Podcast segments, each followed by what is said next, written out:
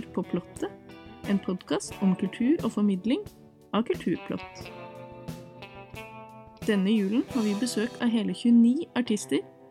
De gir oss et innblikk i det de liker aller best musikk, formidling og kreativitet. I hver episode får vi også en tekst om mytene ved julen, skrevet og fremført av forfatter, dramatiker og mytolog Terje Nordby. Så her er det mye å glede seg til. Mitt navn er Ellen Lund.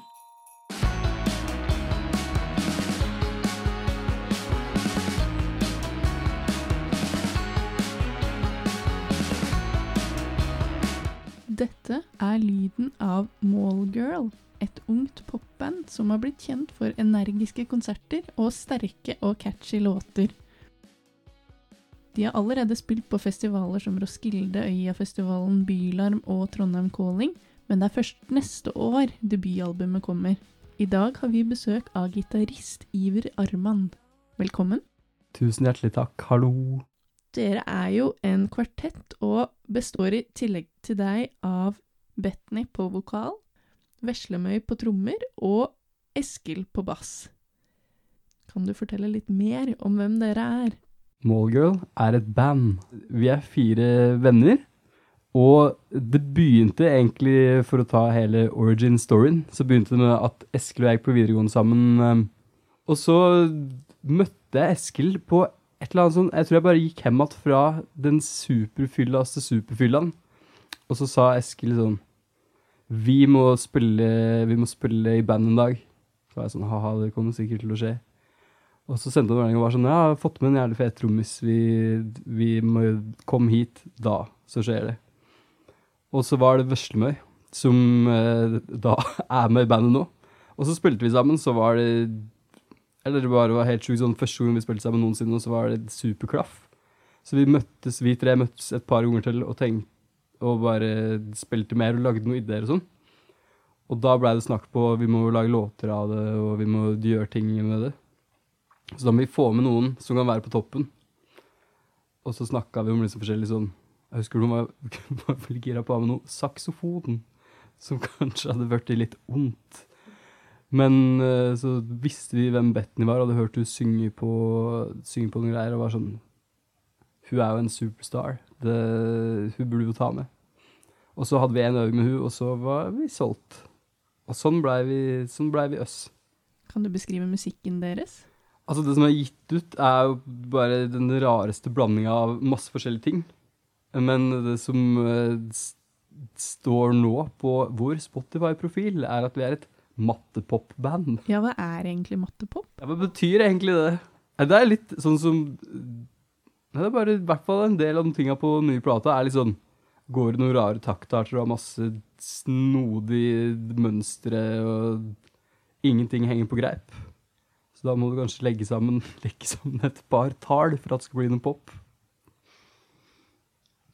Men det, ja, det er jo egentlig det. Prøve å lage Eller bare en rar blanding av ting, ass. Dere ga ut en singel for ikke så lenge siden som heter Bubbly Cool Drink. Kan du fortelle litt om den? Ja, jeg kan fortelle masse om den.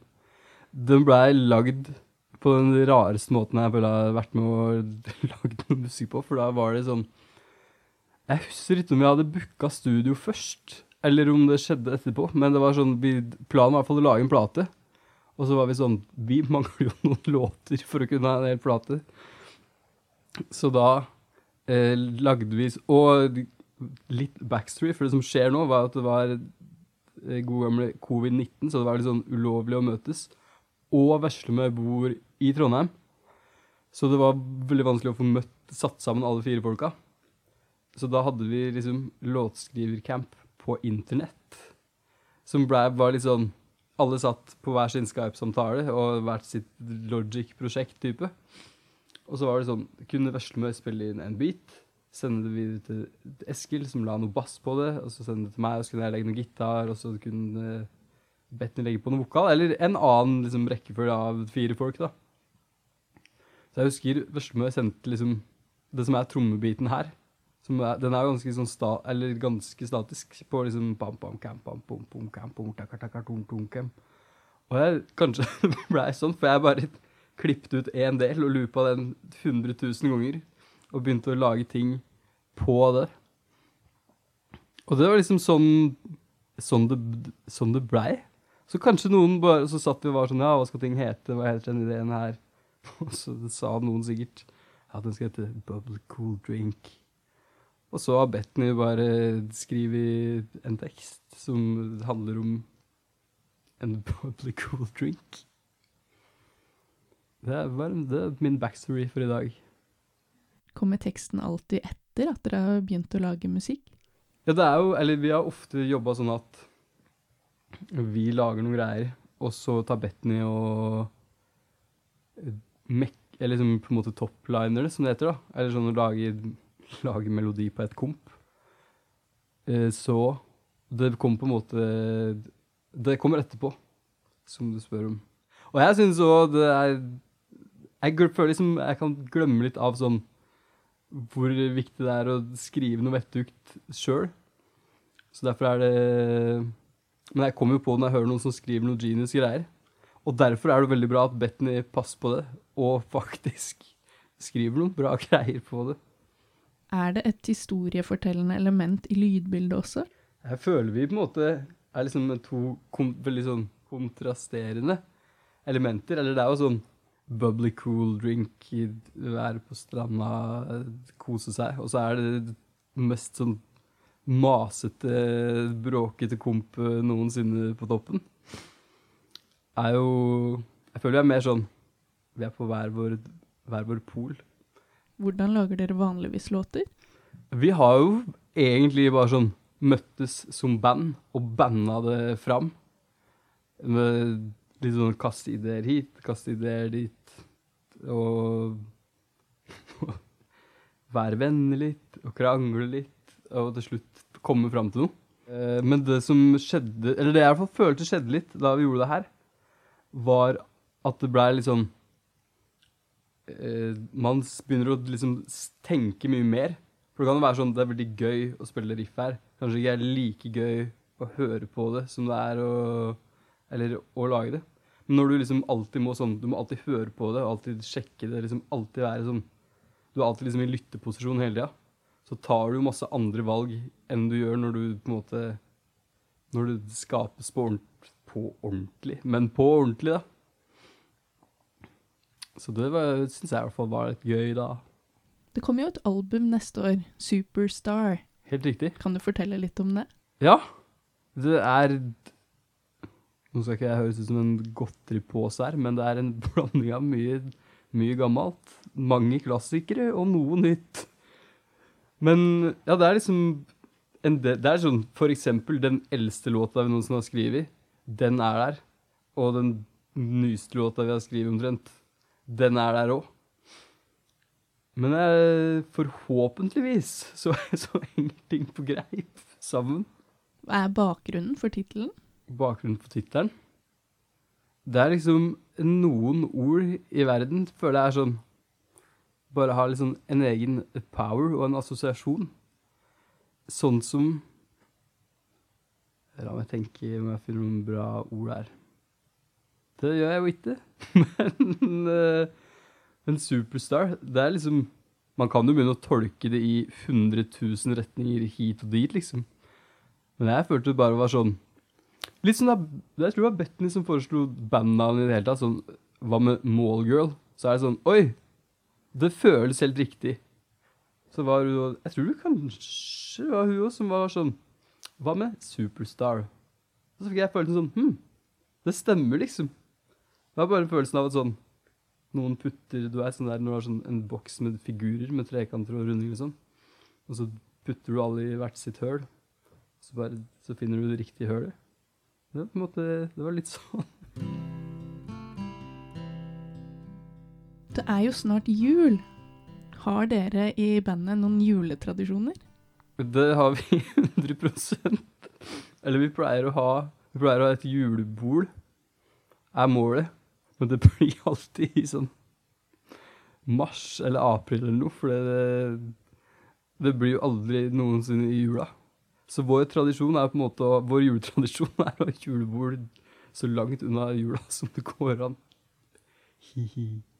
Har du noen favoritt-julelåt, da? Ja, ass. Eller, altså, det er jo den hyggeligste tingen, at det er jo bare masse bangers. Som bare er lov eh, Bare er lov når det er jul. Jeg syns kanskje Kanskje sånn OK, det er to, det er to sterke kandidater her. Enten I'll Be Home for Christmas, som er ganske beautiful, eller, enda viktigere, Hemma til jul med Vazelina. Eller egentlig hva som helst fra hele julekalenderen til Vazelina er den beste julelåta noen har. Hva med film? Har du en favoritt-julefilm? Jeg føler alle har sånn Jeg, had, jeg så for eksempel aldri Tre nøtter til Askepott før i fjor. Noensinne. Det var min første Min første run.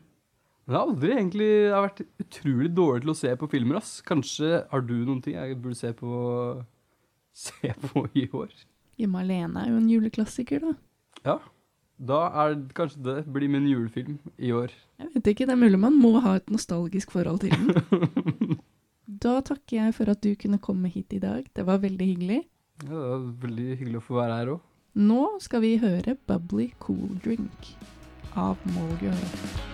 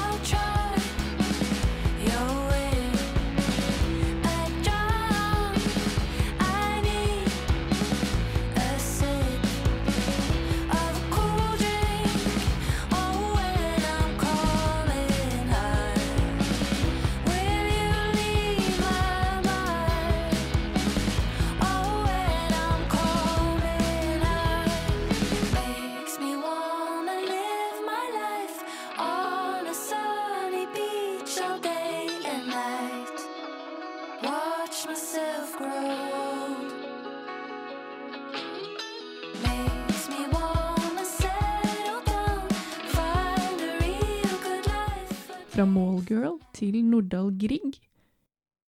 Da gir jeg ordet til forfatter, dramatiker og mytolog Terje Nordby. Forfatter, krigskorrespondent og politisk aktivist Nordahl Grieg hadde reist halve verden rundt til sjøs, skrevet dikt med bibelske og pasifistiske motiv, besøkt Sovjetunionen og blitt kommunist på tross av Moskva-prosessene, og han hadde opplevd den spanske borgerkrigen på nært hold. Da Hitler-Tyskland okkuperte Norge, meldte han seg til tjeneste i den norske hær og skrev slik vil kongen leve for oss, ved en sølvblank bjørkestamme mot en naken vårskogs mørke står han ensom med sin sønn, tyske bombefly er over. Han kom seg til London, hvorfra han produserte artikler og dikt, dro på opplesningsturneer til områder i Amerika og Europa der det var stasjonert nordmenn, gikk på offiserskurs og ble forfremmet til kaptein. Da han endelig fikk anledning, ble han med på et nattlig bombereid mot Berlin, gjennomført av Royal Air Force. Ved 20-tiden om kvelden den 2. desember 1943, da flyet han satt i hadde sluppet sine bomber, ble det truffet av granater fra luftvernkanoner. Flyet kom i brann og styrtet i bakken. Ingen av de åtte om bord overlevde. Fem år tidligere, i 1938, sterkt påvirket av opplevelsene i Spania, skrev Nordahl Grieg sitt eneste dikt med julen som tema. Det låner bilder og metrikk fra kjente julesanger, men innholdet er, for å si det mildt, annerledes. Nu har en verden gitt seg hen i fryd fordi et barn er født. De kom, de kristne bombefly, det skrek en mor, et barn var dødt. Og andre småbarn sprang i angst og skjulte seg den glade jul. Nu kan vi skjønne salmens ord at engler daler ned i skjul. O fred på jord og fryd på jord, vi står i kveld med spente sinn blant julelys og bombebål og ser det gamle år gå inn. Glorød går jordens akse rundt, hvem stanser vanvidde, vi vet, den hånd som griper svies av, dyrt koster nu rettferdighet. Nordahl Grieg var trolig den mest brennende dikter dette landet har fostret. Det er fristende å sammenligne ham med Ikaros, den mytiske unge greker som i vill begeistring fløy for nær solen, brente seg i hjel og døde i fallet. Grieg forherliget kommunismen og Moskva-prosessene, men også det britiske imperiet, Norge og nordmenns levevis. Og da landet vårt ble invadert, fløy hans forelskelse videre, nå var det flagget og kongen som fikk hans uforbeholdne kjærlighet. Og i etterkant av den 22. juli 2011 ble diktet til ungdommen revitalisert og sunget under minneseremoniene i kirkene. Akkurat som Ikaros falt Nordahl Grieg og ble brent til døde, men også som Ikaros brente han seg samtidig inn i sitt lands kollektive minne. Les daglige kulturnyheter på kulturplott.no, og få med deg dokumentarer, eksistensielt stoff og kultur i papirmagasinet Kulturplott. Plottet var ved programleder og teknisk ansvarlig Ellen Lund.